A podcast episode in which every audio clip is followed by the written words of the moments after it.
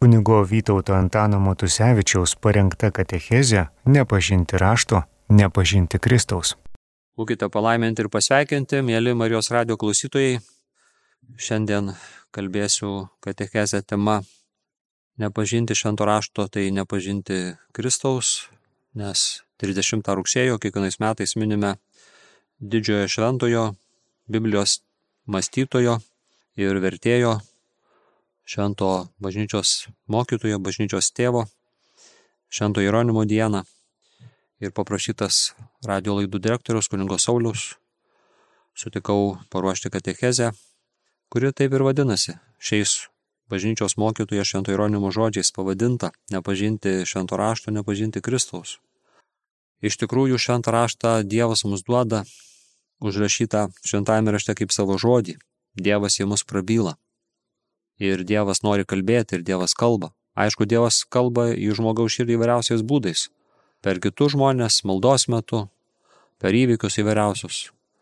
Bet ypatingiausias kalbėjimas tai Dievas užrašęs žodį. Ir dar ypatingesnis kalbėjimas, kada amžinasis Dievo žodis arba Dievas kaip žodis, antrasis švenčiaus trybės asmuo tampa kūnu ir gyvena tarp mūsų, kaip ir laiško Hebrajams autorius parašė Daug kartų įvairiais būdais Dievas praeitie yra kalbėjęs mūsų protimis per pranašus, o galiausiai šiomis dienomis jis prabilo į mus per sūnų. Taigi, kodėl verta pažinti raštą? Kodėl verta įskaityti? Apie tai ši katechezė. Į šį klausimą ir pabandžiau duoti atsakymą. Kadangi nesu nei įsilavinęs biblistas, šventorašto žinovas, nei teologijos daktaras, kažkoks ypatingas teologas, tai vadovausiuosi čia tokiais trim svarbiais momentais, tris tokius paimų dokumentus kaip pagrindą. Iš Biblinio teologinio žudino, rusų kalba išleisto Briuselėje. Tai čia bus toks kaip įvadas, biblinės teologijos žiupsnelis, po to bus popiežiaus Benedikto XVI straipsnio apie Dievo žodžio svarbą irgi minčių. Ir galutinis, paskutinis straipsnis apie lekcijo diviną arba kaip skaityti šventai raštą. Tai pradžioje iš biologinio biblinio žodino. Jie turi lūpas, bet nekalba. Ši pranašų patyčia taikoma nebiliems stabams. Galime tokią užuomeną rasti pirmame laiške korintiečiams 12 skyriuje antroje lūtėje. Taigi ši pranašų patyčia apie stabus, kurie nekalba, pabrėžia vieną ir svarbiausių gyvojo Dievo savybių šventraštinėme prieiškime. Dievas kalba žmonėms, o jo žodžio reikšmingumas Sename testamente tik ruošia centriniam Naujojo testamento įvykiui. Šis žodis tapo kūnu. Sename testamente Dievo žodis nėra abstrakčių svarstymo objektas, kaip pavyzdžiui kai kuriuose ideologinėse srovise. Pavyzdžiui, Aleksandrijos filosofų logos. Visų pirma, ta žodis tai faktas, patirties įvykis. Dievas tiesiogiai kalba išrinktiesiems žmonėms. Per juos viešpats kalba savo tautai ir visiems žmonėms. Todėl Dievo žodžio patirtis nėra tik keleto mistikų nuosavybė. Priešingai visas Izraelis raginamas pripažinti, kad Dievas kalba jam, savo pasiuntinių lūpomis. Kai kada žmonės Dievo žodžio nepriima ir jį nuvertina, bet vėliau nenuginčiami stebuklai priverčia pripažinti akivaizdžius faktus. Todėl svarbu neišleisti iš dėmesio orbitos dviejų dalykų. Kai Dievas kalba, jis apreiškia. Ir kai Dievas kalba, jis veikia. Taigi apreiškiantis ir kalbantis, veikiantis Dievas. Dievas kalba norėdamas, kad žmogaus mintys priartėtų prie dieviškų minčių. Dievo žodis yra įstatymas ir gyvenimo taisyklė. Apreiškimas apie daiktų ir įvykių prasme. Pažadas ir ateities pranašystė. Tačiau Dievo žodis nėra tik suprantamas pranešimas. Tai tikrovė pripildyta veiklia jėga. Tai jėga, kuri būtinai atneš Dievo suplanuotas pasiekmes. Aukščiausias įsiunčia žodį kaip gyvą pasiuntinį. Ta žodis tam tikrą prasme ištinka žmonės. Viešpats būdi, kad ta žodis įsipildytų. Ir iš ties jis visada atlieka tai, kam buvo siūstas. Jeigu taip, gražiai kalbame apie Dievo žodžio veiksmingumą Sename testamente, tai ką kalbėti apie tą žodį, kuris tapo kūnu, viešpati Jėzų. Jame veikia efektyvi jėga. Vienu savo žodžiu Jėzus daro stebuklus, kurie yra Dievo karalystės ženklai. Vienu žodžiu jis atleidžia nuodėmės ir perduoda dvylikai savo valdžią. Jame ir per jį kurianti žodis šiame pasaulyje veikia, kad pasaulį išgelbėtų. Jėzaus žodis ne tik dinamiškas ir veiklus, bet ir apreiškintis. Jėzus kelbė žodį, palyginimais leisdamas suprasti dangaus karalystės paslaptis. Išoriškai vertinant jis pranašas arba mokytojas kalbantis Dievo vardu. Tačiau iš tikrųjų jis kalba kaip tas, kuris turi galę, tarsi iš savęs su pasitikėjimu kad jo žodžiai nepraeis. Tokiu būdu galime matyti besiskleidžiantį paslapties šydą, paslapties, kurią Jono Evangelija skiria didelį dėmesį. Pas Joną Jėzus kalba Dievo žodžius. Jis kalba, kaip jį tėvas pamokė. Todėl žodžiai, kuriuos jis kalba, yra dvasia ir gyvenimas. Evangelistas nekart pabrėžinai vartoja veiksmažodį kalbėti, lalein, norėdamas išryškinti šių Jėzaus žodžių svarbą nes Jėzus kalba ne į savęs, bet kaip jam tėvas liepia. Todėl pranašiško žodžio paslaptis, kuri prasideda Sename testamente, Jėzuje pilnatviškai įsipildo. Žmonės verčiami pasirinkti apibrieštą poziciją, girdėdami šį žodį, kuris juos veda į susitikimą su pačiu Dievu. Sinoptikai, tai reiškia Matas, Morkus ir Lukas, pateikia Jėzaus žodžius aiškiai parodančius šio pasirinkimo pasiekmes. Palyginime apie sėjėją žodžius, kurie yra geroji naujiena apie karalystę, jų klausantys priima skirtingai. Visi girdi, bet tik suprantantys pasmata, arba jį priimantys pasmorku, arba jį saugojantys pasluka, gali nešti vaisių. Suprantantys, priimantys, saugantys žodį gali nešti vaisių. Taip pat ir kalno pamokslo pabaigoje, kur Jėzus paskelbė naują įstatymą, jis prieš pastato likimą tų, kurie klauso jo žodžių ir jos vykdo, likimui klausančių, bet jų nevykdančių. Viena vertus namas pastatytas ant olos, kita vertus ant smėlio. Šitie įvaizdžiai įneša teismo perspektyvą, kai kiekvienas bus teisiamas pagal tai, kaip jis elgesi su Dievo žodžiu. Kas gėdėsi manęs ir mano žodžių šios neištikimos ir nuodėmingos kartos akivaizdoje, to gėdėsis ir žmogaus sunus atėjo savo tėvo šlovėje. Jono Evangelija su ypatingo atkaklumu grįžta prie šių idėjų. Evangelistas parodo, kad Jėzaus žodžiai sukelia jo klausančiųjų širdyje nepasitenkinimą. Iš vienos pusės stovi tie, kurie patikėjo juo, kas jo žodžių klauso ir vykdo, kas pasilieka jame ir kuriame pasilieka žodžiai, jie jau dabar turi amžinai gyvenimą ir neragaus mirties per amžius.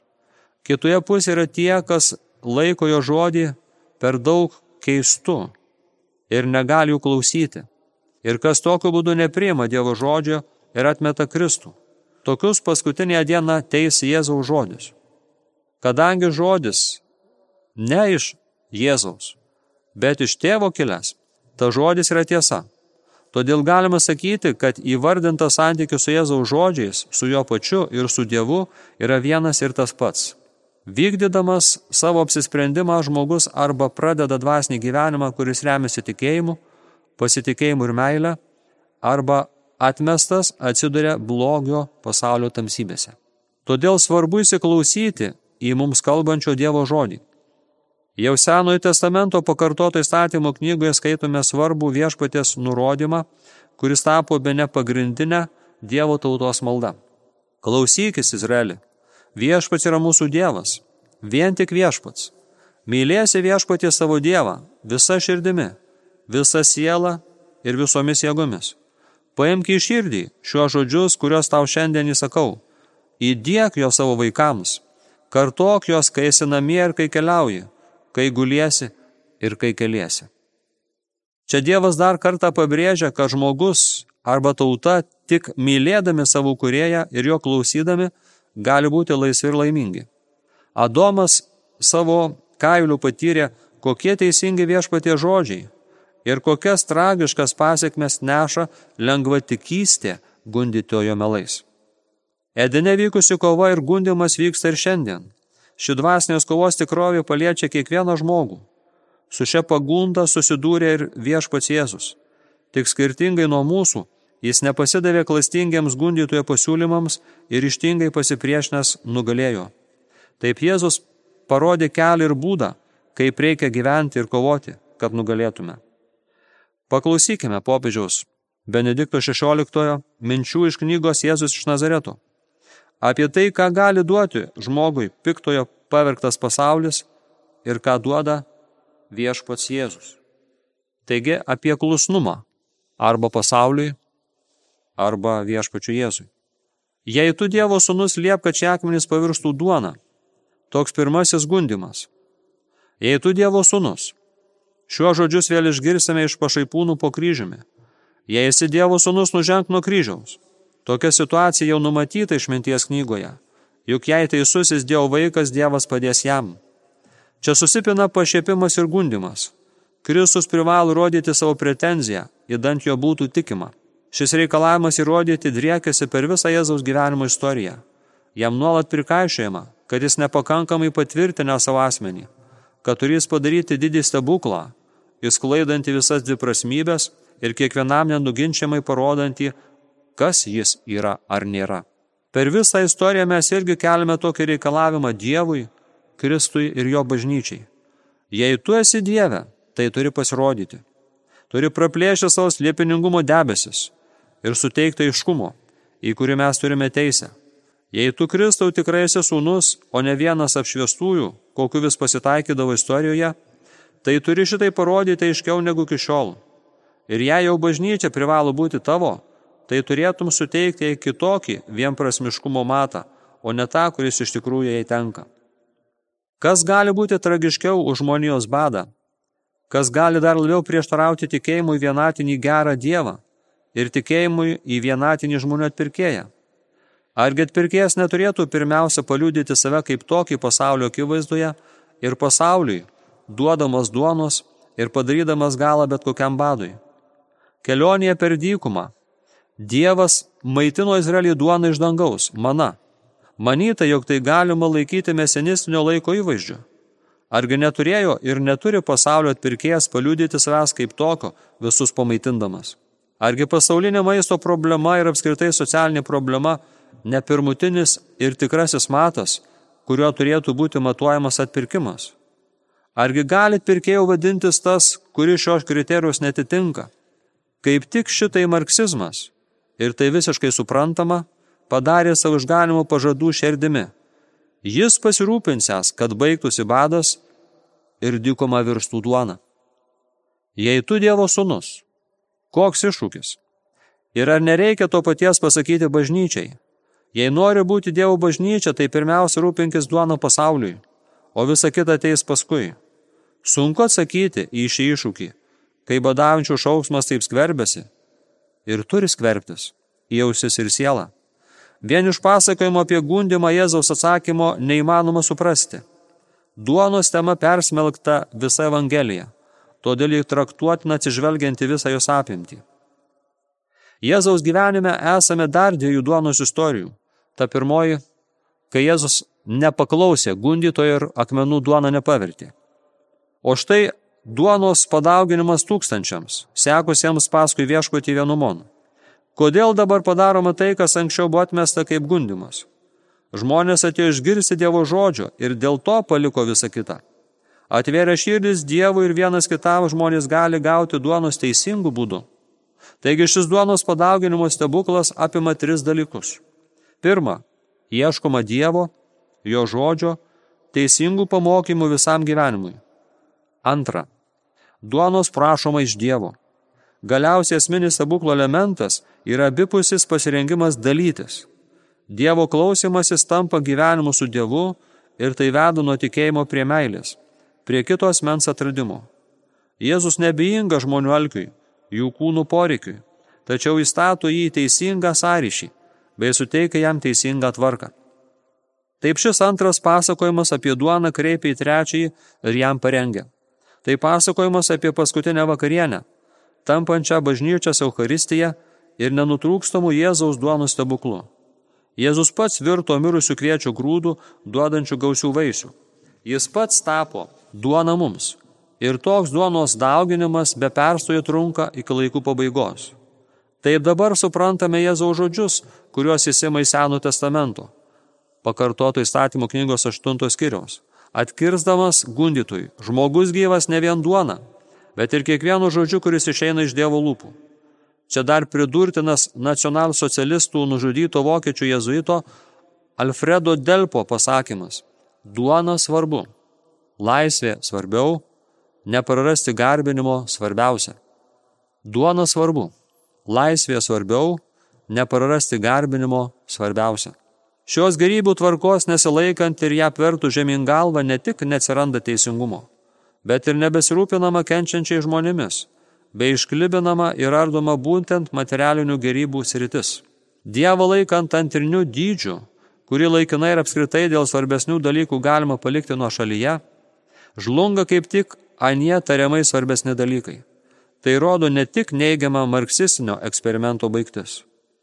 Vien techniniais bei materialiais principais grįsta vakarų pagalba besiplėtuojančiom šalims, ne tik išleidus iš akiračio Dievą, bet ir savo visažinystės išdidumu atstumusių žmonės nuo Dievo, vien pavertė trečiąjį pasaulį didžiai raide, trečiuoju pasauliu mažąją šiandienę prasme. Ji nustumė į šalį išaugusias religinės, dorovinės bei visuomenės struktūras ir tuštumonį statė savo technicistinę mąstyseną. Ji manė galėsianti akmenis paversti duoną, bet vietoj duonos davė akmenų. Kalbama apie pirmenybės Dievo įteikimą. Kalbama apie jo pripažinimą tikrovę, be kurios nieko kita negali būti gera. Palikus Dievą nuo šalyje, neįmanoma vairuoti istorijos vien materialiomis struktūromis. Jei žmogaus širdis negera, nieko gero išeiti negali. O širdies gerumas galiausiai gali ateiti tik iš to, kuris pats yra gerumas, pats geris. Pastebi ir moko jo šventinybė popiežius Benediktas XVI. Todėl Mielos sesės, brangus broliai, taip svarbu, gyvybiškai svarbu įsileisti tą, kuris nuolatos stovi prie mūsų širdies durų ir beldžia. Svarbu kasdien rinktis Lozeriaus sesers Marijos geriausią dalį. Kai būtų puiku, jei kiekvienas žmogus mažo Samuelio pavyzdžių sekdamas jau vaikystėje išmoktų kasdien sakyti savo Dievui, kalbėk viešpatie, tavo tarnas klauso. Juk viešpats myli kiekvieną ir nori susitikti, kalbėti ir laiminti. Jokūbo istorija tai iškalbingai byloja. Jokūbas gavęs tėvų palaiminimą apgaulės būdu ir supykus tiesioginiam paveldėtų jo broliui Ezavui bėga nuo brolio keršto. Ir štai Dievas, kuris Jokūbą palaimino nepaisant jo nesažiningumo, sukčiavimo, pasirodo jam tokioj sunkioj situacijoje ir sapno metu kalba. Paklausykime iš pradžios knygos 28 skyriaus. Jokūbas paliko Beršebą ir leidosi Harano link. Pasiekę žinomą vietą jis apsistojo nakvoti, nes saulė jau buvo nusileidusi. Paėmęs iš tos vietos akmenį pasidėjo po galvą ir toje vietoje atgulė miegoti. Jis apnavo. Žiūri stovi laiptai ant žemės, o jo viršus siekia dangų ir dievo angelai laipėjais aukštyn ir žemyn. Žiūri viešpat stovi prie jo ir sako – aš esu viešpats tavo senelio Bromo ir Zoko dievas. Žemė, kurios guli, duosiu tau ir tavo palikuonims. Tau palikuonys bus tokie gausus kaip žemės dulkės, tu įsiplėsi į vakarus ir rytus, į šiaurę ir pietus. Viso žemės gentys per tave ir tavo palikuonis ras palaiminimą. Būk tikras, aš esu su tavimi. Globosiu tave, kad ir kur eitum, ir sugražinsiu tave į šią žemę. Niekada tavęs nepaliksiu, kol neįvykdysiu, ką tau pažadėjau. Jokūbas pabudo iš miego ir tarė, iš tikrųjų viešpats yra šioje vietoje, bet aš to nežinojau. Drebulio krečiamas įsakė, kokia baugi ši vieta, tai ne kas kita kaip Dievo namai ir dangaus vartai. Atsikėlęs anksti rytą Jokūbas paėmė akmenį, kurį buvo pasidėjęs po galvą, pastatė jį kaip paminklą ir užpylė ant jo viršaus alėjaus, o tą vietą pavadino Beteliu nors ankstesnis to miesto vardas buvo Lūzas. Tuomet Jokūbas padarė įžadą, sakydamas, jei Dievas pasiliks su manimi, saugodamas mane kelionėje, kurią pradedu, ir duos man duonos valgyti drabužį apsivilkti, įdan sugrįžčiau ramybėje vėl į tėvų namus, tai viešpats bus mano Dievas. Ir šis akmuo, kurį pasačiau kaip paminklą, bus Dievo namai. O iš viso, ką tu man duodi, tikrai atseikėsiu tau dešimtinę. Taigi matome, kad Dievas ne tik neatmeta Jokūbo, bet nori įlaiminti, garantuoja savo artumą, kad būsiu ir tau atiduosiu šitą žemę, tau palikuonis bus labai gausus, tokie gausus, kaip e, smiltis jūros ar upės pakrantėje. Pakartoja praktiškai tuos pažadus, kurios buvo sudaręs su žydų tautos protėviais. Ir žinome, kad Jokūbas nugalėjęs visokios sunkenybės, sugrįžta, sustaiko su broliu, Dievas įlaimina, Jokūbas tampa savo tautos, Dievo tautos, Izraelio protėvių, net jo vardas pakeičiamas, Jokūbas, kuris reiškia melagės apgavikas, tampa Izraeliu. Čia kalbama šitoje apsireiškimo sapne istorija apie tai, kaip Jokūbas matė laiptus, kuriais nusileisdavo angelai aukštyn žemyn. Ir tai toks gražus simbolinis paveikslas įvaizdis, jog viešpats Dievas nori mus vesti į savo artumą, į savo gyvenimą, nori mus palaiminti. Tam tikros maldos kopiečios arba maldos laiptai. Ir dabar noriu Jums pristatyti labai nuostabų straipsnį, kuris prieš keliolika metų buvo atspausintas katalikų pasaulyje apie maldos kopiečias, apie dvasinį e, švento rašto skaitimą, taip vadinamą lekcijo divina. Švento rašto skaitimo tradicija lekcijo divina. Įkvėptasis arba dieviškasis skaitimas tai dėmesingas įsiskaitimas ir įsiklausimas į šventą raštą, kurio metu tikintysis stengiasi suvokti asmeniškai jam prabylančio viešpaties žodžius. Kasdien skirdami ketvirtį ir pusę valandos tokiam skaitimui, patirsime viešpaties pakviestųjų į pokylį džiaugsmą. Kartūzų vienuolis Gvigas, gyvenęs 11 amžiuje, keturis lekcijų devyną tapus lygina su kopiečiomis, su keturiomis pakopomis. Kopiečių apačia remiasi į žemę, o jų viršūnė siekia dangaus paslaptis. Verta dėti pastangų ir kilti šiomis kopiečiomis, kurios mus veda iš žemės į dangų. Šitaip mūsų sugebėjimai apšviesti ir maitinami Dievo žodžiu tolydžio vystysis, peraugdami į tokį klusnumą Dievui, kokio Jėzus nori iš mūsų išmokęs sakyti kaip danguje, taip ir žemėje. Pirmoji pakopa - tai švento rašto tam tikro teksto skaitimas. Prieš atversdami šventą raštą pasistengim laikinai atidėti, pašalinti iš širdies visus pašalinius dalykus, ypač tuos, kurie kelia rūpestį ir neramumą. Prašykime šventosios dvasios patepimo. Išsirinkime vidutinio ilgumo tekstą, Pradedantiesiems rekomenduojami tos dienos liturginiai skaitimai. Viešpatie Jėzau, gyvo Dievo sūnau, žodį gimęs iš šviesos, išmokyk mane išgirsti tai, ką tu man sakai per raštą ir išvysti ten tavo veidą. Bibliją imu į rankas ne kaip paprastą knygą, o kaip paties Dievo žodžio lobyną, per kurį viešpats nori man kalbėti. Klausausi gyvas mens tos knygos autoriaus, prabylančio asmeniškai mane. Priimu tuos žodžius tokiu nusiteikimu, tarsi skaityčiaus pirmą kartą.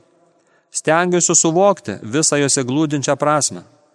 Mano pažinimui vadovauja Dievo šviesa, įlydi mano protą ir jie apšviečia. Antroji pakopa - meditacija. Meditacijos metu žodis ateina iš proto į širdį. Skaitimo metu vadovaujamės logika samprotavimo seka. Medituodami gilinam savo mintį ir kreipiam ją į Dievą. Skaitydami susipažinom su teksto visumą, o medituodami susitelkėme į atskirus žodžius, įsireiškimus, pastraipas, kurios prabyla asmeniškai mus. Nuo mąstymo skaitimo metu pereiname prie dėmesingo dvasinio klausimo. Apmastykime dvasios mums nurodomą žodį, leisdami Dievui sėti žodžio grūdą mumise. Meditacija mums atskleidžia, kad nepaisydamas laiko ir erdvės ribų, viešpatė žodis gyvena pačiame mūsų būties centre. Žodis tampa ypatingai asmeniškas. Turime susitelkti į tai, ką Dievas nori mums apreikšti būtent šią dieną. Skaitimo metu pagrindinis vaidmuo tenka intelektui, o medituojant labiau įsitraukia valios sfera. Prašykime viešpaties, kad galėtume pažinti ir priimti jo valią mūsų gyvenime. Viešpatie Jėzau, gyvo Dievo sūnau, gyvasi žodį, išmokyk mane maitintis ir įsisavinti tavo Evangeliją, kad ji mane pakeistų ir padarytų mano dvasę panašiai tave pagal tavo valią. Kviečiuosi šventąją dvasę, kad išgydytų mano proto klumą. Tikėjimą ištarto taip šviesoje įsižiūri į žodį su naujų dėmesiu. Perskaitytas ir medituotas žodis atskleidžia, kaip labai skiriasi žmonių mintys nuo Dievo minčių. Pasirodo, kaip aš atsivėriau žodžiai, leisdamas perkeisti savo mintis, kad jos taptų panašios į Dievo mintis. Šiame etape mano galvosena ir valia tampa vis panašesnės į Dievo mintis ir valią. Trečioji pakopa - vidinė malda. Kai jau įsileidome į savo širdis Dievo žodį, privalome atsakyti į jį maldą. Švento rašto skaitimas veda mus į pokalbį su viešpačiu. Skaitimo ir meditacijos metu gautasis žodis teikia peno maldai. Mūsų atsakas turi būti paženklintas dėkojimu. Pagal šventosios dvasios įkvėpimą maldoje išryškėja tokie elementai kaip tikėjimo išpažinimas, dėkojimas už Dievo gailestingumą, gailestis už praeities nuodėmės, atsivertimo, gilio širdies permainos prašymas ar permaldavimas bei užtarimas už visą bažnyčią. Tegul mūsų malda tampa meilės pokalbiu. Kalbėkime viešpačiui, paprastais iš širdies kylančiais žodžiais. Galime tiesiog tarti ir švento rašto žinomus viešpaties vardus. Jauskimės laisvi, gėdokime himnus ar spontaniškas giesmes. Leiskime šventai dvasiai užtarti mus neišsakomais maldavimais. Sakykime viešpačiu, kad trokštame gyvenimu atsakyti jo kvietimą. Apdovanoti šventosios dvasios malonę galime ištarti, tiesie man pagal tavo žodį. Viešpati Jėzau, gyvo Dievo sūnau, Išmokyk mano širdį kalbėti su tėvu, su kuriuo tu nuolat bendrauji šventojo dvasioje. Apink mano širdį, tą meilę, kuri vienė tave su tėvu. Tu pats būk mano nuolatinė malda. Šiuo trečiuoju etapu bandau prabilti į Dievą savo širdimi šaukdamasis jo pagalbos iš visiško savo bėgiškumo gelmių. Atėjo valanda prašyti mergelės Marijos užtarimo, kad išmokytų savo širdies maldos savo paprastumo, leidžiančio kalbėti su Dievu, su meilė ir pasitikėjimu, dvasinio tyrumo vaisiais. Draugė su Jonu ir visa bažnyčia aš priimu Mariją iš Jėzaus kaip savo motiną. Aš glaudžiuosi prie nesugriaunamos tikėjimo tos, kuri įtikėjo, jog joje įsipildys paties Dievo ištarta žodis, pasitelkęs jos tikėjimą ir tylų garbinimą, nekaltumą, drąsą mylėti ir priimti Jėzaus meilę, šaukiuosi Jėzaus pagalbos. Išreišk jam savo susižavėjimą ir padėką. Leidžiuosi Jėzaus mokomas melstis tėvui šventojo dvasioje. Mano širdis išmoksta kalbėti su Dievu tiek, kiek leidžiasi apgaubiama Jėzaus meilės. Viešpaties paraginimu galima kreiptis į tėvą Jėzaus vardu. Nuolatinis Jėzaus vardo kartojimas tyloje ir nuolankume ilgainiui nuo rytų vienuolių paners mūsų protą širdyje. Jėzaus malda mus išmoko visiško paprastumo. Išmoko melstis tėvui nutyrintą nuo žmogiškų minčių širdimi vis panašesnė į Kristaus. Juk Jėzus yra kelias ir vartai. Marijos širdis tarsi lopšys viso to, ką Jėzus sakė ir darė. Šie tyriausia širdie tęsiasi Jėzaus bendravimas su tėvu. Jei aš nuolankiai prašysiu Marijos išmokyti mane jos tylaus klusnumo, jį ves mane į nežinomą pasaulį, kuriame vis ilgiau tęsis meilės tyla. Marija visų pirma yra prisikėlimo bendradarbė. Ji ir mane įveda į prisikėlimo bendrystę, į nesibaigiantį bendravimą su tėvu, kurio pati išmoko iš Jėzaus.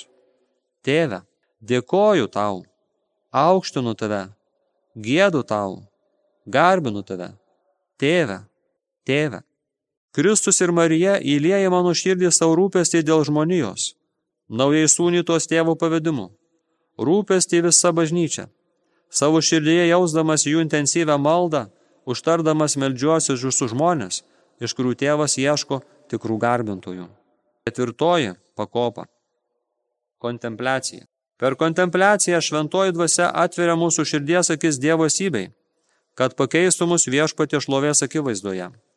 Kontempliacija yra tam tikras sielos pakilėjimas prie Dievo, kurio metu siela paragavo saldaus amžinybės džiaugsmo. Dabar maldo žodžius pakeičia tyla, įsiklausimas, įsižiūrėjimas. Jokiais žodžiais neįmanoma išreikšti didžiausios pagarbos ir šlovinimo Dievo šventumo akivaizdoje. Todėl savo pagarbą išreiškiame tylėdami. Per kontempliaciją viešpats leidžia mums prie jo prisertinti, panašiai kaip buvo prisertinę didėjai Seno testamento pranašai Mozė, Izaijas ar Elijas. Bent jau iš dalies mūsų savastimi tampa Petro, Jokūbo ir Jono išgyvenimą ant taboro kalno. Pauliaus pagava ar Jono apreiškimas apokalipsėje.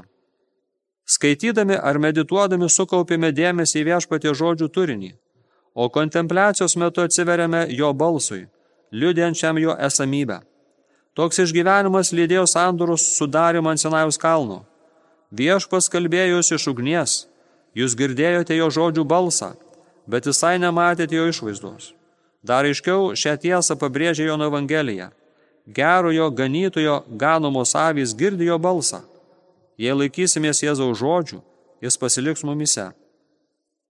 Viešpati Jėzau, gyvojo Dievo sūnau, teikiu sužadinti mano širdį didelį meilės troškulį, kad per šventąją dvasę dalyvaučiau trijų dieviškų asmenų meilės bendrystėje, tyloje, pranokstančioje žodžius ir jausmus. Jei skaitimų ir meditacija ištvermingai siekiau šviesos, proto ir širdžiai, jei širdies gelmė klausiau rašto prasmės, Jei troškimas atsiversti iš aklumo, kurtumo, lošumo išaugo net iki vidinio šauksmo, jei pasitikėdamas meldžiau už jūsą bažnyčią, Dievas atsiliepia. Mano negalė paženklintas metodiškas mąstymas tarsi prisiliečia prie švenčiausios trybės meilės liepsnos. Švenčiausia trybė esanti manyje nuo krikšto kviečia į savo karališkai pokylį. Mergelė Marija savo širdie patyrė, Kristaus atsidavimą. Tėvui, ji priemė naują evangelinį gyvenimą. Jos malda tapo vis paprastesnė, tylesnė ir labiau mylinti. Kristaus meilė tėvui nuolat ugdė Marijos ryšį su tėvu. Marijos mokykloje mūsų širdis prisipildo Kristaus meilę ir gauna draugę su pašlais ir visą bažnyčią gyvybės dvelgsmą iš tėvo. Šį dvelgsmą nukryžiuotasis ir prisikėlęs Jėzus suteikia savo mokiniams aukštutinėme kambaryje vėliau sėkminių dieną. Nors būdami nusidėliai nešiojame savo širdie liepsną, tampame gyvą garbinimo buveinę, kur tėvą garbina tiesos dvasia deganti Kristaus širdyje.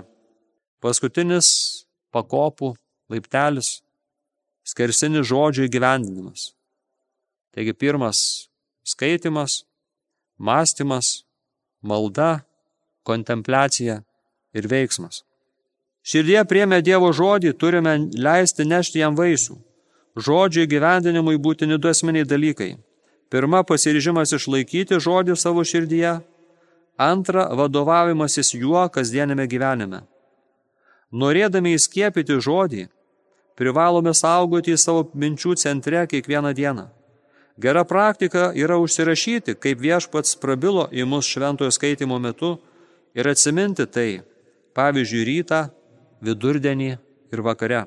Per visą dieną turime stengtis pašventinti savo mintis labiau telkdamiesi Dievo žodį, negu žemiškus neramumus, ambicijas arba planus.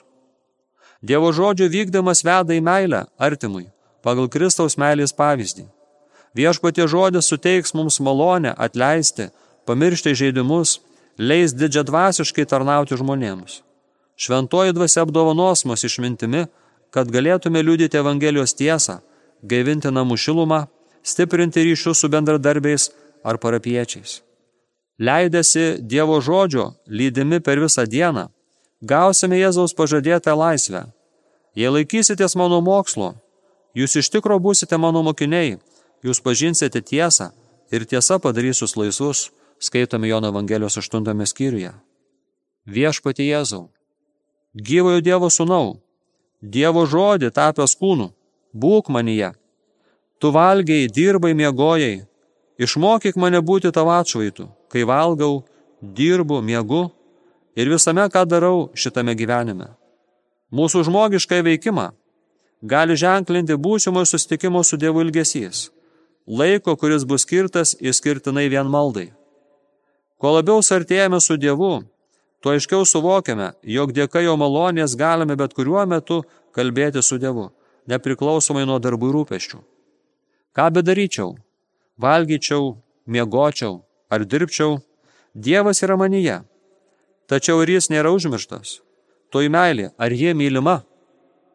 Koks nesuvokiamai didžiulis dvasios darbas, leidžiantis man bet kuriuo momentu susivienyti su Dievu, bet kuriuo dienos ar nakties metu. Diena iš dienos, besikartojančiame nuovargyje, kentėjimuose, abejonėse, nuliudimuose yra vienas privilegijuotas kelias, kuriuo eiti išmokys mergelė Marija. Ji nuolat būna švenčiausiosios trybės artumoje ir be perstojų lūpomis meilingai šnapžda viešpaties vardą. Išmokys mane būti skaidriu Kristaus buvimo liudytoju sutiktiems žmonėms. Laidoje Katechezė kalbėjo kunigas Vytautas Antanas Matusevičius. Nepažinti rašto, nepažinti Kristaus.